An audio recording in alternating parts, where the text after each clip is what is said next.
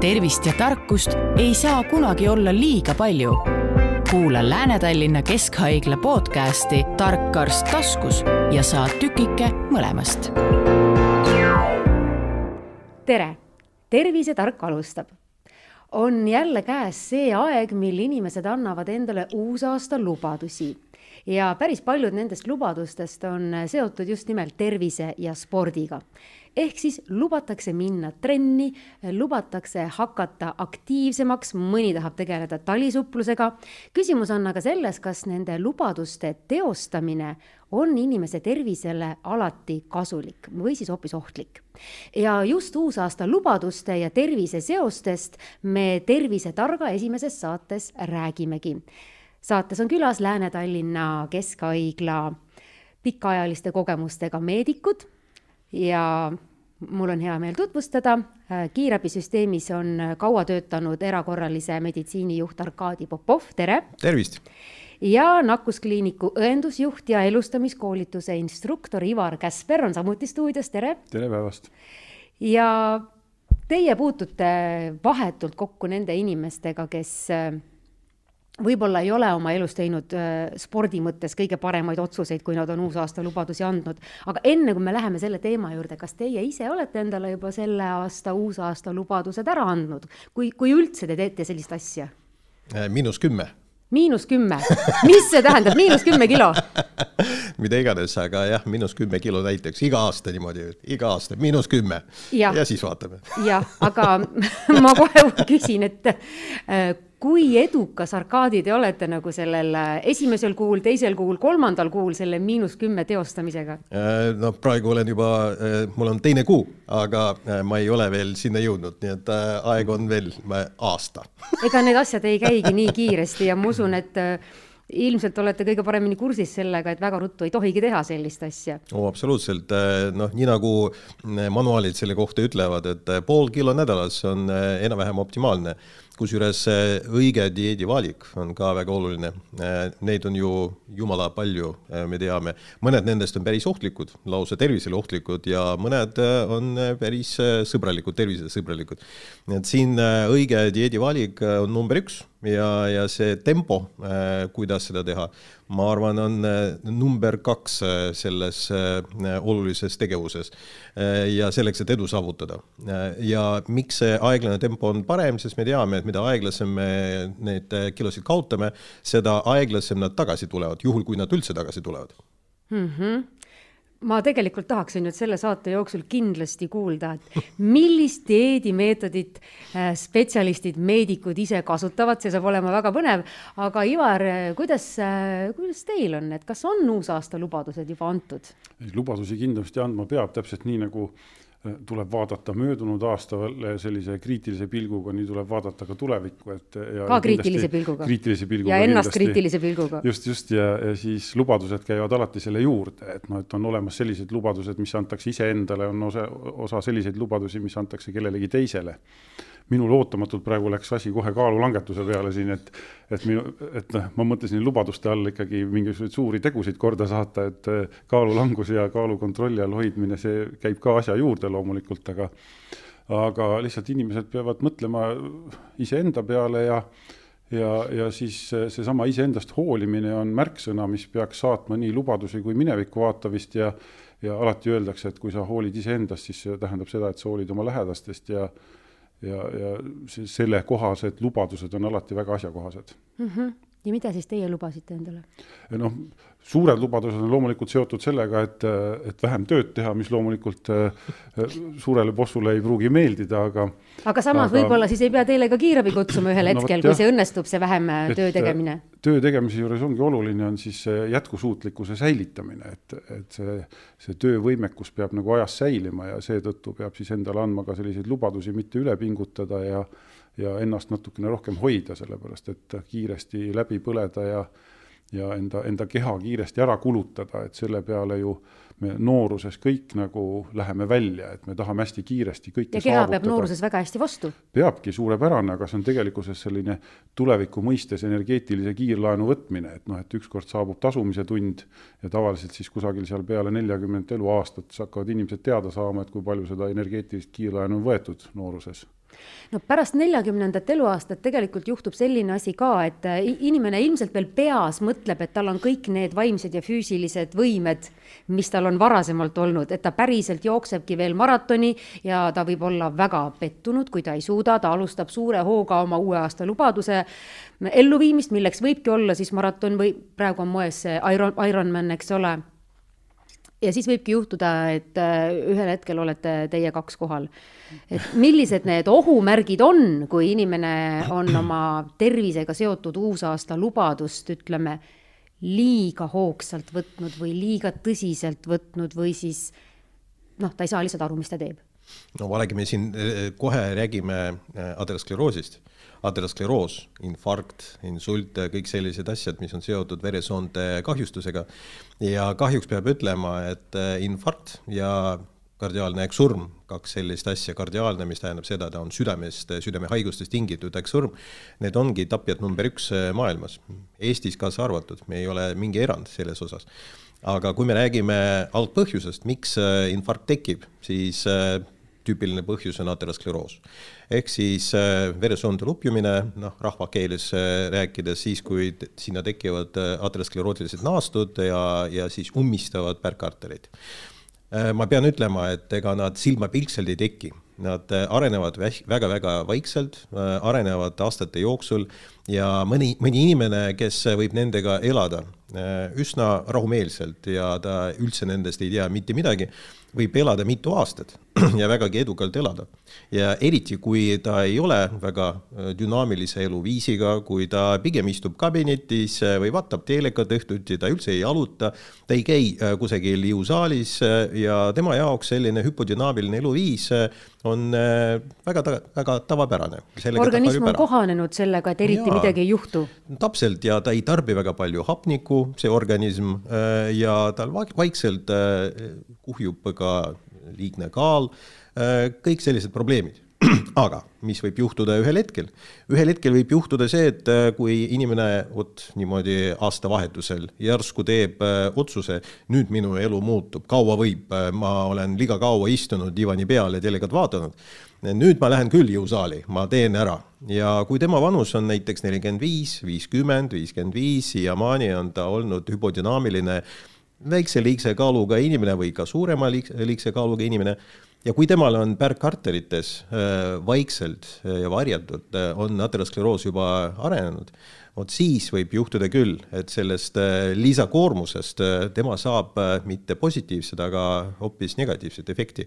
ja see võib olla vahest päris saatuslik, nii et sellega küll peab ettevaatlik olema, kuna me kahjuks ei tea kunagi, mis meil seal organismis sees toimub mõnikord ma arvan, piisab isegi vähemast, kui äh, kui sellisest äh, suurest jõusaali rassimisest. armas mees, ma räägin nüüd meie isiklikke asju, eriti sinu isiklikke asju, aga meil juhtus tõesti niiviisi, et äh, meil oli väga rahulik eluviis mis sisaldas ainult nagu mõni, mõningast jalutamist ja tulemuseks oli see, et kui siis eelmine talv oli suur lumi tuli maha ja mees läks otse arvuti laua tagant lund viskama, siis tal lihtsalt arter purunes siin ja, ja, ja ilmselgelt oli see niisugusest ilmsest hetkelisest suurest pingutusest, mida nagu treenimata inimene ei tohiks võib-olla endale lubada.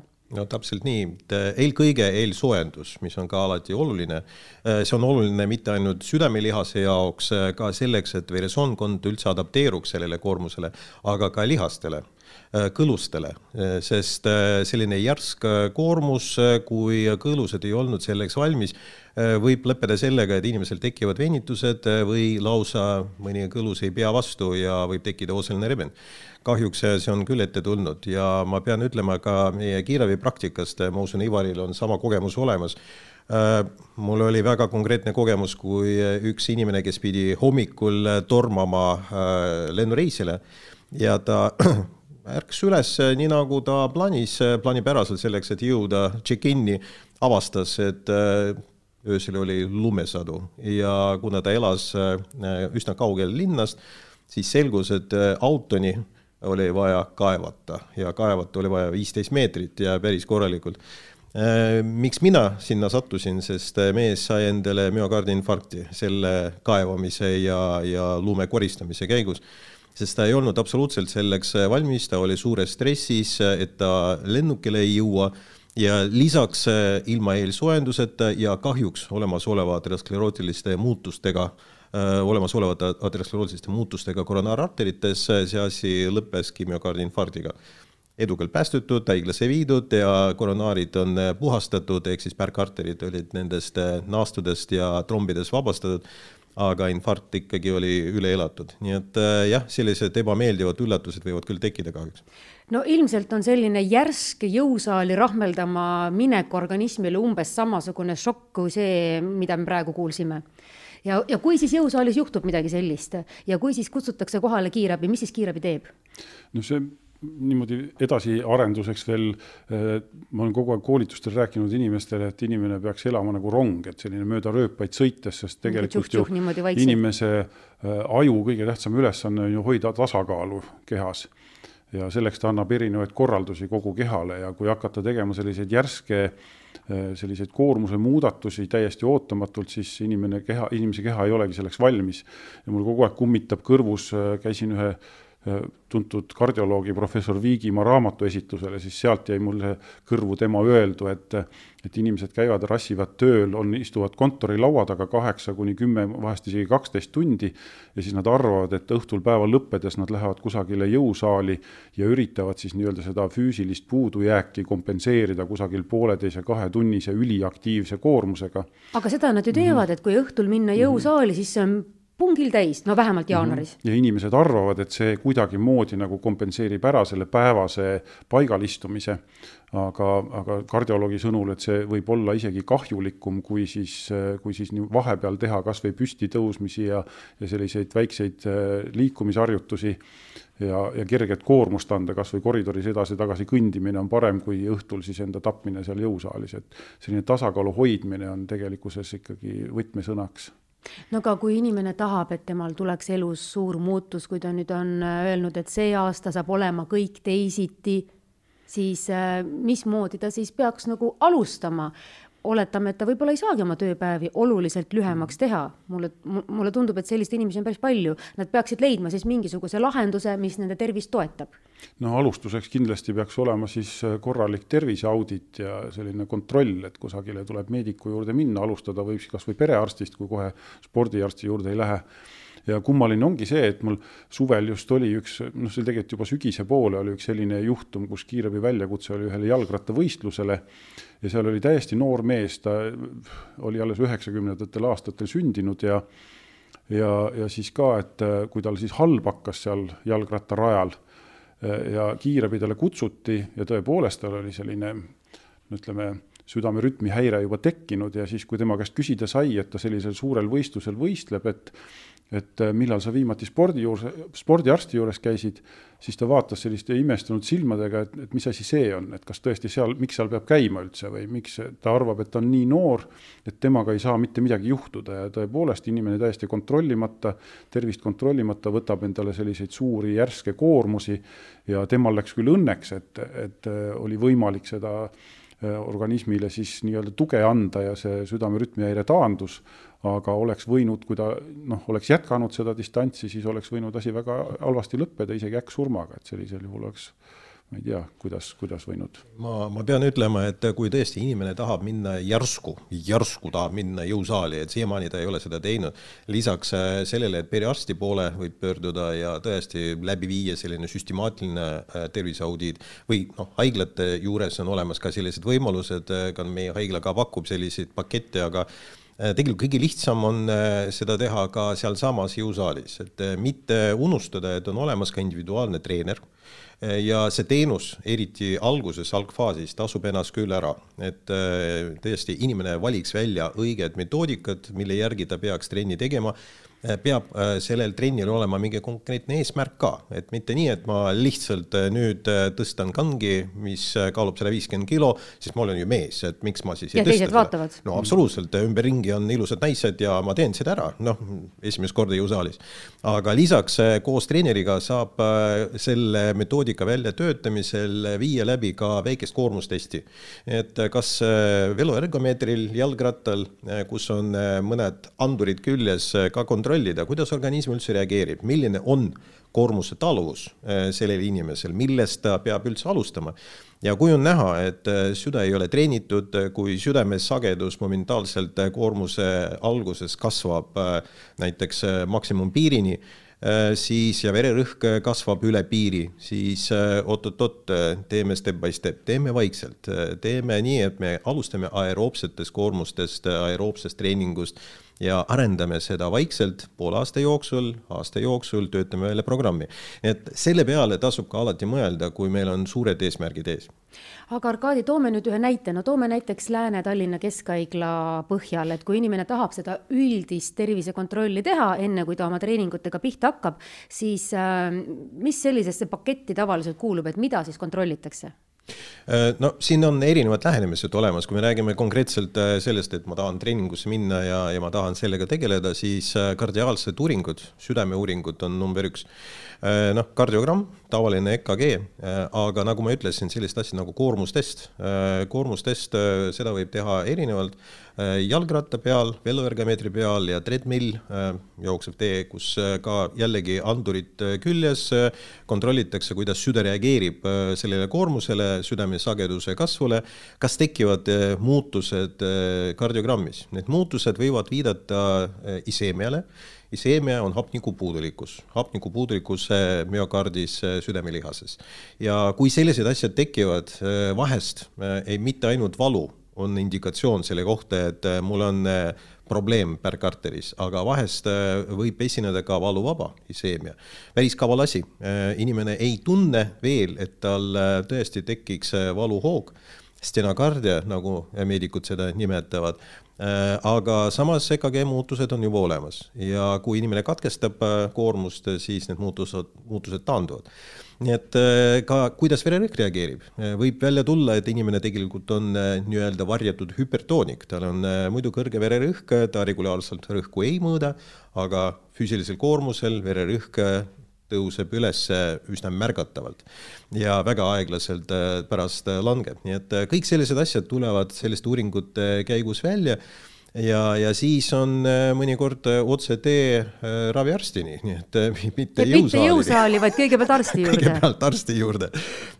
ja kusjuures, no mis see vanus on, millest peaks alustama, tegelikult me teame, et meeste riskifaktorid Nad koosnevad mitte ainult sellest, kas inimene teeb suitsu, kas ta alkoholi tarbib, kas tal on stressirohke elu või mitte mängus on ka vanus, äh, meestel äh, see kriitiline, noh, mitte ei saa öelda päris kriitiline, aga juba riskifaktoriks loetakse kolmkümmend viis pluss aastat vanust.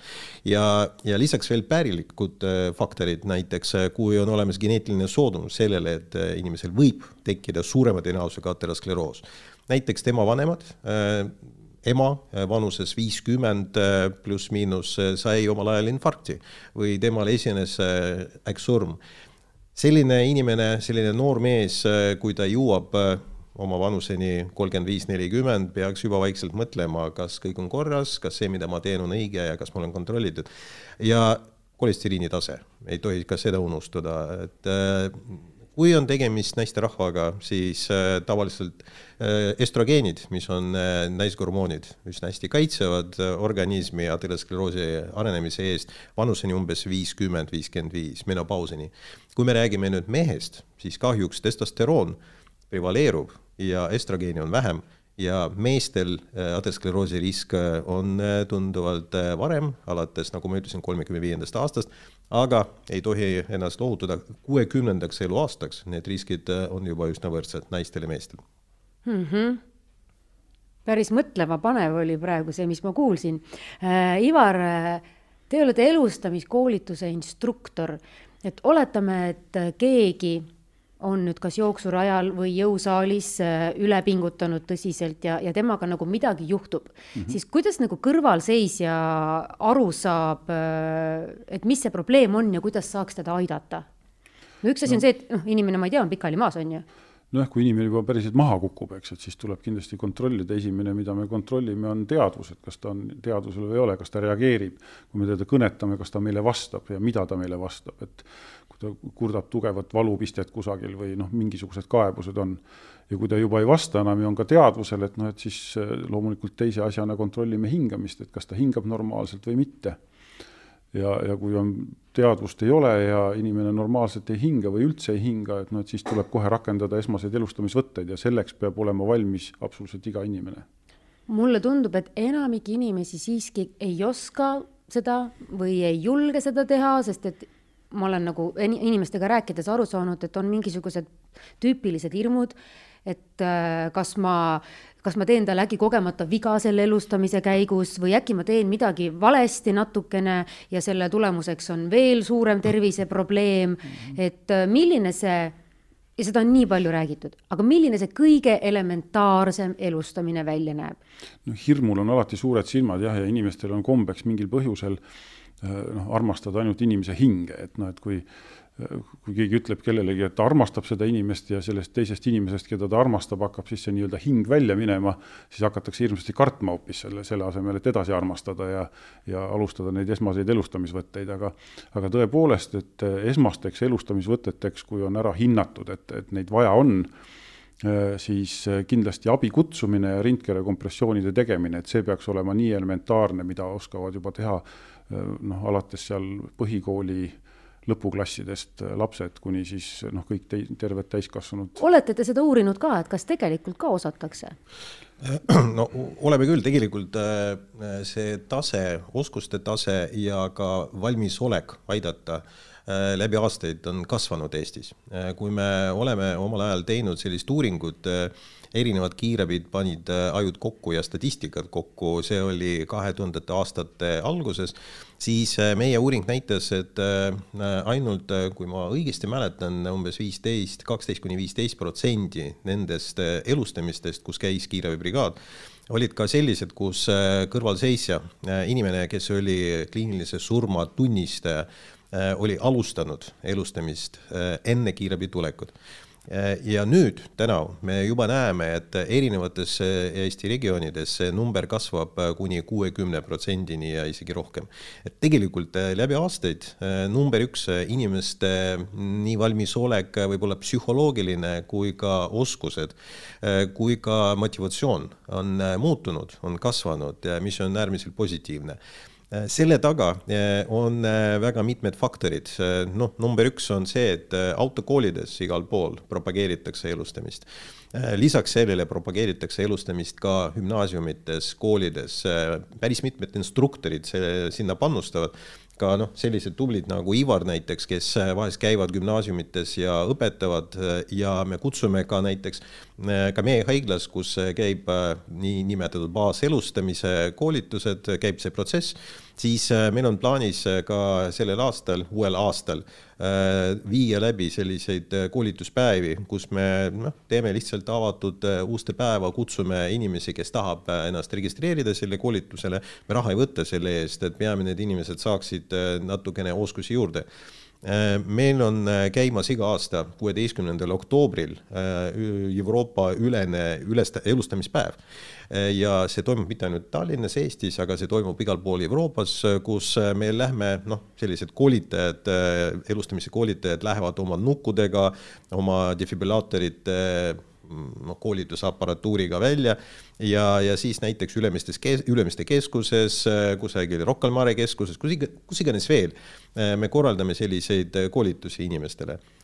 Mööda minnes võib paar korda kuulata sellest, kuidas inimest elustatakse, vajutada nukku ringile peale, anda šoki, see on minu arust positiivne ma usun, et see ka nagu aitab kaasa, et need on vist sellised, Ivar, päris nagu kaasaegsed nukud, et natuke nagu interaktiivsed, et inimene saab aru, kui ta seda elustamist teeb, et, et kuidas seda teha, et see nagu toimiks. sest mina mhm. mäletan, et kui mina koolis äh, õppisin seda elustamist, siis ma võisin neid liigutusi küll teha, aga mul tegelikult ju see asi, mis seal oli, kui seal üldse midagi oli, ei andnud mingisugust tagasisidet, et kas ma teen õigesti. jaa, tehnika areneb väga hästi ja kiiresti ja ja neid erinevaid nuku selliseid mulaase, mille peal seda rindkere kompressiooni harjutada saab, et need arenevad ka järjest, et et äh, meil ka on haiglale, koolituskeskusele nüüd koolitus-arenduskeskusele soetatud uued nukud, mida on võimalik siis ühendada Bluetoothi kaudu mobiiltelefoniga, inimene, kes seda teeb, siis ta saab ise jälgida oma rindkere kompressioonide kvaliteeti ja, ja siis kas siis mingisuguse aja vältel, et kas paneb endale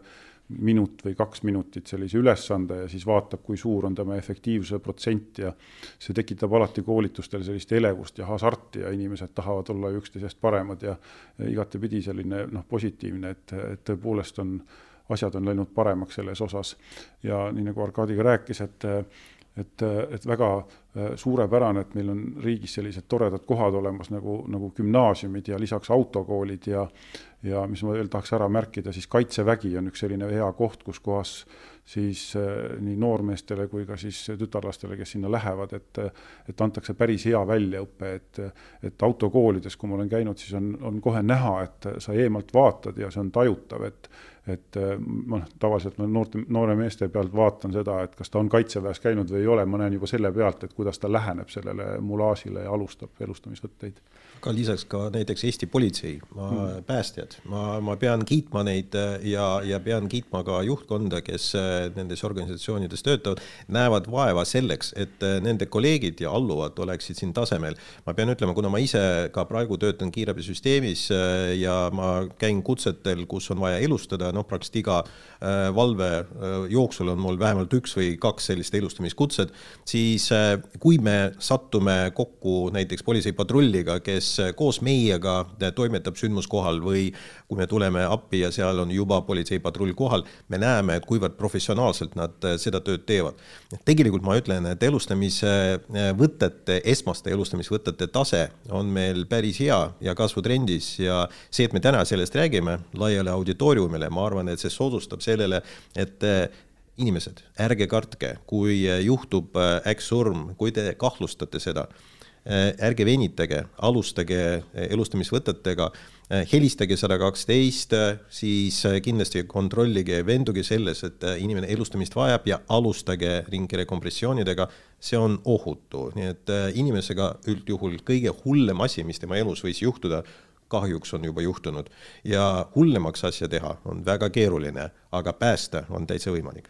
jah, vahetevahel isegi see, selle elustamisvõtete alustamise kiirus on olulisem sellest, kui kvaliteetselt seda tehakse. sest vahest ongi, kui inimesel nagu kehakaalu ei ole, seal on ikkagi vaja natukene kehamassi ka ja tehniliselt õigesti teha, et, et iseenesest see aeg on see, mis, mis tapab aju ja, ja mida kiiremini alustada, siis isegi kui see, see rindkere kompressioonide tase ja, ja kvaliteet jääb natukene kesiseks, siis see ajastamise algus või alustamise, elustamise alustamise algus, see on nagu kõige tähtsam selle asja juures. no minule siit äh, seda kõike kuulates tundub, et tegelikult see koolituse läbimine annab nagu seda julgust ilmselt hästi palju juurde, et sa, et sa üldse julged sellele inimesele lähedale minna, talle oma käed külge panna ja, ja et sa võib-olla ise ei läheks nagu väga suurde paanikasse sellest, et mida sa üldse näed. noh, koolituse eesmärk ongi tegelikult ju inimesele hirmude äravõtmine. et me võtame hirmud ära ja järgi jäävad äh, siis, ratsionaalsed oskused, jah, ratsionaalsed oskused ja kui sa neid oskuseid mm -hmm. ka siis mhm. natukene kohendad, et siis äkki juhtubki see tore asi, et inimene kriisi, kriisisituatsioonis võtab vastu õiged otsused. Äh, Lääne-Tallinna Keskhaigla selliseid koolitusi teeb Äh, aga keda sinna on nagu oodatud või selles mõttes, kas nagu kõik võivad tulla? no ütleme niimoodi, muidugi me eelkõige. eelkõige spetsialiste. eelkõige me jah, koolitame oma haigla äh, inimesi selleks, et äh, igaüks inimene, kes haiglas töötab, äh, oleks võimeline abi osutama sellel hetkel, kui seda on reaalselt vaja. aga lisaks sellele jah, me tahame pisut panustada äh, lihtsalt elanikkonna koolitusesse ja selleks, et inimesed saaksid äh, seda, mida nad muidu võib-olla ei tea, kus saada, kus seda koolitust, sellist koolitust saada ja puudub varustus selleks. nii et me proovime seda regulaarselt korraldada, noh näiteks kord kvartalis üks selline päev ja me avame registreerimist ja, ja proovime selliseid koolituspäevi äh, arendada. ma isegi ei tea, kas äh, keegi veel sellist äh, varianti pakub ja noh, me panustame ja teeme seda tasuta täiesti osalejatele. nii et sellel päeval võib juhtuda, kui me näeme, et väljaspool haiglat vähe osalejaid, noh, siis tulevad meie kolleegid, kes nagunii peavad oma teadmisi ja oskusi lihvima no oluline on lihtsalt see, et, et võib-olla kui see koolitus nüüd tuleb, et inimesed saaksid teada, et ta on tulemas, et ma, ma usun, et äkki meil Delfi ka aitab kaasa sellele mm. -hmm. et millised teil äh, praktikas on olnud äh, need juhtumid, mida võib siis selle tänase teemaga nagu seostada, mis seda iseloomustaks no,? ma, ma ütlen, et äh me rääkisime sellest, kas inimene kardab näiteks äh, alustada elustamist. mina kardan. no näiteks äh, ja, ja kardab sellel põhjusel, et äh, äkki ma teen midagi halba sellele inimesele. ma pean ütlema, mul olid mitmed reaalsed kliinilised sellised juhtumid, kus inimesed pidid alustama elustamist ja samas tegelikult ei, ei olnud seda vaja, ehk oli valesti püstitatud diagnoos Äh, siiamaani ma mäletan seda, kuidas me keset ööd äh, jäni äh, õhtul me tulime ühe seltskonda juurde, seltskonna juurde, kes istus lõkke ümber ja noh, kahjuks see, mida nad seal tegid, oli ikka alkoholi tarbimine ja ka šašlõki söömine. ja siis kusagilt, kusagilt kõrvalmajast pimedusest ilmus üks inimene, naisterahvas, kes korraks istus ütles, et tal on halb olla ja kukkus kokku. mitte keegi ei teadnud, kes ta on ja mis ta on ja miks ta siis tuli. aga kuna oli pime ja niisugune ebamäärane olukord, siis äh, paar inimest, kes äh, olid seal äh, tema kõrval, kutsusid kiirabi ja hakkasid teda kohe elustama. Ja kui me tulime, siis tegemist oli naisterahvaga, kes oli Soomest pärit, ta oli kahjuks purupurjus, ta juba tuli teadvusele. Ja kui me võtsime teda autosse, hakkasime tegema talle kardiogrammi, siis ta karjus, et tal on õudselt valus sellest, et me panime siia andurid ringkere külge talle mis juhtus, hakkasime katsetama, katsuma ja siis selgus, et jah, tal on roidemurrud. ja, ja kui noh, hakkasin uurima, milles on asi, selgus, et kes elustas, kes oli vajutas, purjus inimene elustas? jah, kes vajutas ringile peale, siis tuli välja üks niisugune väga-väga väikest kasvu naisterahvas, väga tagasihoidlik, ütles, mina olen see, kes elustas ja ja no ta oli tegelikult väga tubli, et tema reaktsioon oli üleliigne ta küll tekitas äh, lisavigastusi kahjuks sellele patsiendile, samas äh, patsient jäid ellu, äh, patsiendil oli noh, tõenäoliselt alkoholi liigtarbimises tekkinud selline seisund, teadvuse häire, aga oleks inimene surnud, siis selline tegutsemine oleks vägagi vajalik ja oleks ilmselt selle inimese elu päästnud. Küll see lõppes sellega, et inimene ka parenes ja, ja kõik need roidumurrud, mis tekkisid, nad kindlasti parenevad aga ma siinkohal ütlen, et ei pea seda kartma, et selliseid tüsistusi võib juhtuda ja neid tüsistusi ei pea kartma, oleks sada korda hullem, kui inimene reaalselt oleks kliinilises surmas ja mitte keegi teda ei puutuks sel hetkel. aga teisest küljest jälle, ühest küljest väga hea, et see aitaja otsustas aidata, teisest küljest, kui ta oleks selles Lääne-Tallinna Keskhaigla koolituses ära käinud, siis võib-olla poleks ka seda roidemurdu tulnud. Absoluutselt, sest ta, siis ta paneks oma käed õigesse kohta, vajutakse õige sügavusega ja sagedusega ja sellisel juhul me ei näeks sellist tüsistust, nii et äh, ausalt öeldes, mida äh, noorem äh, patsient, keda elustatakse, seda väiksem tõenäosus, et tekivad tüsistused ja näiteks roidemurrud. uuringud näitavad, et patsientidel, kes on nooremad kui kaheksateist aastat vana, mitte kunagi ei esine sellist tüsistust. Nad on nii pehmed siis või? väga elastsed, kõhred ja, ja siis see tüsistus on ebatõenäoline mm. -hmm. aga Ivar, sinul on ka kindlasti väga palju erinevaid olukordi ette tulnud. ma üritan jah meenutada ja samas on see, et kuulates praegu doktor Popovi juttu, siis eh, noh, alati kõikide kiirabipidajate juures eh, toimub selline analüüs ja statistika, et missugused olid edukad elustamiskatsed ja missugused olid ebaedukad. ja ma olen mõelnud oma oma siis mineviku ja praktika peale kiirabivalveid tehes, et et kiirabitöötajad on ka kõik inimesed ja kui me sõidame kohale, siis, siis tegelikult kohale saabudes esmase reageerijana me tegelikult ju näeme peaaegu ukse peal, millega see lõpeb, tihtilugu. Ja enamasti me näeme, et tegemist on ebaeduka elustamiskatsega meie jaoks siis, kui kohale jõudes ei ole mitte midagi tehtud. Ehk ei ole alustatud elementaarselt sellesama rindkere kompressioonidega, et inimene arvab, et ta on teinud kõik, mis on tema võimuses, see tähendab seda, et valinud numbri üks, üks, kaks, kutsunud välja abi, aga tegelikult on jätnud oma lähedase ju sisuliselt ilma abita. Ja mul meenub praegu üks juhtum, kus oli äh, selline, et äh, väljakutsele sõites ma tegelikult valmistasin oma kiirabibrigaadi ette selleks, et meid ootab ees ebaedukas elustamine. sest ma lugesin juba digiloos oli äh, noh, selles tahvelarvutuses oli näha juba patsiendi andmed ja oli näha tema elu anamnees juba mitu korda läbi põetud äh, müokardi südameinfarkt, eks, siis lisaks veel äh, adipoossus, ülekaalulisus, diabeedihaigus, ühesõnaga inimene ei hooli endast, eluaegne kaugveoauto juht. Ja nüüd on ta kodus ära surnud, siis niimoodi, et äh, noh, mis teha, eks, ja, ja koha peal siis elustab tema poeg, täiskasvanud poeg, mees ise oli selline üle kuuekümne aastane härrasmees. Ja noh, ma valmistasin ette brigaadi selleks, et noh, et ikkagi moraalselt mitte puruneda ja, ja läheme, anname endast parima, sõltumata sellest, mis meid ees ootab. Ja kohale saabudes minu mõtted pöördusid sada kaheksakümmend kraadi, sest nähes, kui hästi see poeg teeb oma isale rindkere kompressioone, siis kõik täisprogramm, nii nagu saame ja tegelikult selle inimese noh, süda käivitus suhteliselt lühikese aja jooksul et äh, hingama ta küll ei hakanud, äh, ootasime edasist äh, siis reanimobiiliarsti, kellel on hingamisaparaat, et saaks ta ära ühendada.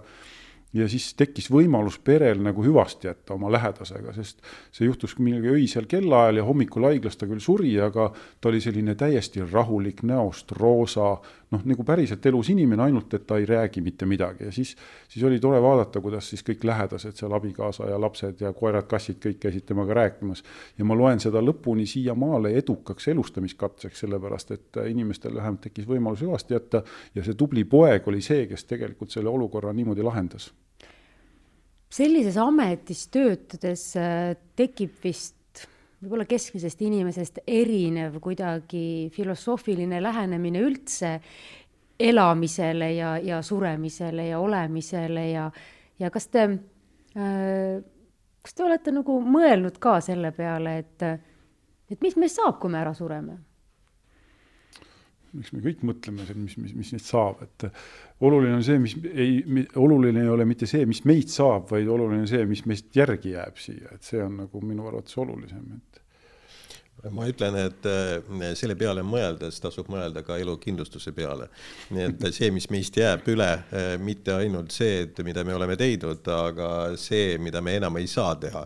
nii et äh, mitte see, et ma olen väga pessimistlik, aga ma lihtsalt annan soovituse, et kellel on see võimalus olemas ja kellel on üleliigseid kohustusi elus, mis soodustavad äkki surmale kahjuks, sest inimene on kogu aeg närvis, kuidas ta neid ikkagi täidab mõelge perekonna peale, et äh, mõõdukas äh, aeroobne koormus, adekvaatne dieet, õige kehakaal ja elukindlustus ja siis kõik saab korda mm. -hmm. et kui me oleme mõõdukad ja mõistlikud, et siis me oleme ka enda lähedaste iseenda jaoks kauem olemas, et see on ka päris kindel. aga selleks, et see olukord üldse selleni ei jõuakski, et oleks vaja kedagi elustada, tuleks siis oma uusaasta lubaduste elluviimisel ilmselt olla ikkagi nagu niimoodi mõnusalt ja targalt mõõdukas.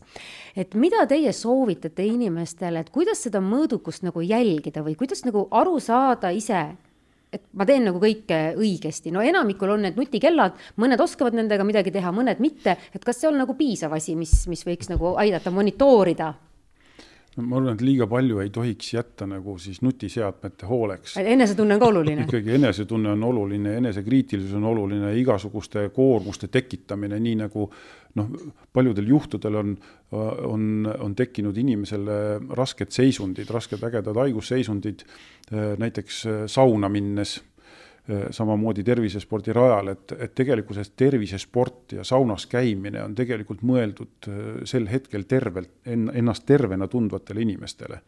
et äh, alkoholi võõrutusnähtusid ei minda kunagi treeningsaali välja ravima, täpselt samamoodi nagu ka sauna ei tohiks minna, sest siis on, me oleme organismile, annab inimene siis topeltkoormuse. Need müüdid täiesti toimivad selles mõttes, et noh, nad on elus veel, inimesed ju usuvad, et saun on koht, kust ma saan oma selle pohmelli ära saata ja ja kõik, millised müüdid veel on see... niisugused, mis nagu sulle tundub mõnikord, et nagu mm, päriselt või?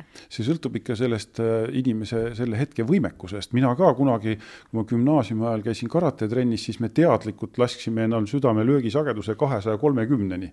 mis tänases päevas ma, ma ei kujuta ette, et ma peaksin sellist katsetust tegema hakkama mingil põhjusel aga sel ajal seal seitsmeteist, kaheksateist aastasena see oli treeneri nii-öelda ette nähtud korraldus ja niimoodi me tegime.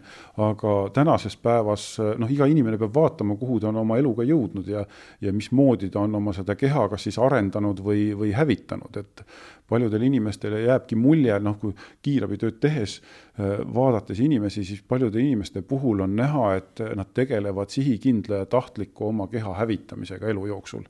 ka sportides? ka sportides ja noh, loomulikult eluviisid ka sinna juurde, eks, et noh, et väga hull ongi just nende inimestega, kes arvavad, et kui nad on noorpõlves väga kõvasti sporti teinud, et siis see nagu säilib kuidagi igavesti, see, see, see noorus või, või treenitus ja võimekus jah yeah.. aga tegelikult ei ole, et inimene ikkagi see võimekus kaob teatud aja möödudes ja, ja koheselt sama, sama taseme peale tagasi minna ei ole võimalik. ja, Arkadi, teie käite trennis?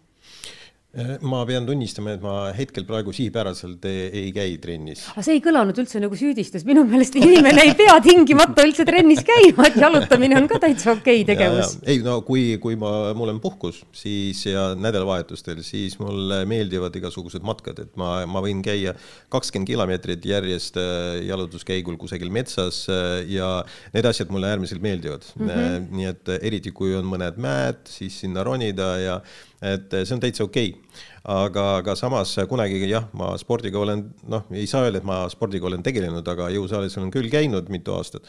nüüd äh, jah, rohkem niisugune hüpodünaamiline töö, nii et ma pean mõtlema sellele, kuidas õhtuti siis seda dünaam-, dünaamikat endale ikkagi tagasi saada no selliseid äh, ameteid on teistelgi, kes võib-olla noh, peavad olema mingil põhjusel öösiti üleval, et kas inimesed, kelle une ja ärkveloleku ja, ja toitumise rütm ei ole väga paigas, et nemad peaksid ka siis võib-olla oma uusaasta lubadustesse natukene ettevaatlikumalt suhtuma siis ilmselt.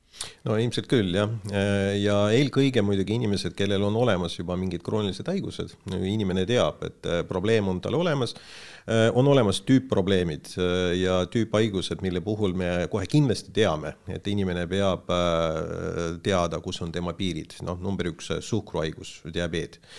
diabeedi korral on olemas väga konkreetsed piirangud seoses dieediga ja seoses sellega, kuidas ravimeid tarvitada või süstida. nii et seal need piirangud tavaliselt inimesed on väga kogenud, väga hästi teavad, kuidas seda dieeti peab pidama ja, ja vastavad instruktsioonid on olemas. on olemas ka näiteks selline haigus nagu pod-, podagra, mille puhul äh, jällegi näiteks punase veini tarbimine võib lõppeda ägenemisega. Äh, on olemas ka äh, krooniline pankreatiit ja maksatseroos, kui ta on juba olemas inimesel ja kahjuks sageli algpõhjuseks on alkoholi liigtarbimine.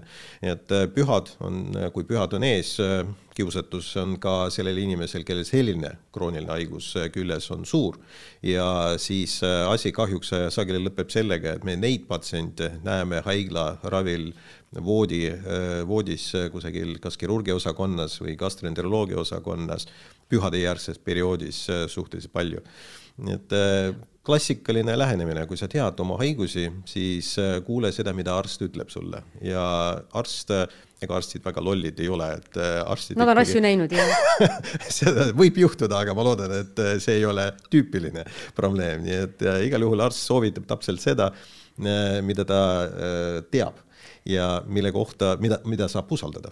no paljude inimeste uusaasta lubaduste hulka kuulub ju kindlasti ka see, et tarbitakse vähem alkoholi nii et need on küll sellised asjad, et äh, võib vist ikka nagu, kui, kui nagu jõusaaliga peab olema nagu ettevaatlik ja väga põhjalikult oma tervist enne monitoorima, siis äh, see, et nüüd ei joo järgmine aasta, on ilmselt niisugune lubadus, mida võib küll päevapealt vastu võtta ilmselt no,. Äh, lubadusi võib küll vastu võtta ah,. teha tuleb ka, jah? ja peab ka tegema seda, aga, aga ma kardan, et noh, see ei ole nii lihtne, et tavaliselt inimesed võivad eksida, kui on olemas mingisugune sõltuvus, mida nad ise ei taju, siis just sellistest sõltuvustest on päris keeruline lahti saada, nagu me teame. ükskõik mis mürgiga, aga kõik need nii alkohol kui ka nikotiin kui ka ükskõik mis narkootikumidest, stimulaatoritest me ei räägi, need on kõik mürgid ja need on ained, mis tekitavad sõltuvust. ja see sõltuvus võib olla psühholoogiline, psüühiline, ta võib olla somaatiline ehk inimene ilma selleta puhtfüüsiliselt enam ei saa. Nii et enne seda, kui inimene seda lõplikult otsustab, mõnikord ta peab endale ikkagi aru andma, ega tal seda ei ole seda sõltuvust ei ole, et ta, kas ta tõesti saab sellega hakkama. vajas, vahest on vaja ka konsultatsiooni, kas psühholoogi või ka psühhiaatri konsultatsiooni, kolleegi, kes tegeleb sellise profülaktilise tööga, noh, ka näiteks meie haiglas on olemas vastav kabinet, kuhu saab pöörduda ja, ja saada nõustamist selles valdkonnas. näiteks kui inimene tahab maha jätta suitsetamist millegipärast ma vaatan, et see kabinet ei ole väga, väga aktiivse külastatavusega, nii et inimesed ei tule sinna vabatahtlikult. no pole vist ilmas suuremat asja kui enda muutmine, suuremat väljakutset kui enda muutmine mm. -hmm. nii et selles mõttes need uue aasta lubadused, mida inimesed jaanuaris endale annavad, noh, eks nende teostamine on ikkagi nagu väga keeruline ja kui, kui liiga suure hooga nende kallale asuda, siis võib teie juurde ka jõuda aga suur tänu äh, Lääne-Tallinna Keskhaigla meedikud äh, Arkadi Popov ja Ivar Käsper äh,. hea vaataja, Tervisetarga saade on selleks korraks lõppenud. olge siis uue aasta lubaduste täitmisel mõistlikud ja mõõdukad koolitage ennast, et oskaksite ära tunda enda ja teiste puhul ohumärke ja vajadusel ka aidata. üks koht, kus ennast koolitada saab, on siis Lääne-Tallinna Keskhaigla. tervisetark on äh, lõppenud, meie kohtume jälle järgmisel kuul, kõike head tervist ja tarkust ei saa kunagi olla liiga palju. kuula Lääne-Tallinna Keskhaigla podcasti Tark arst taskus ja saad tükike mõlemast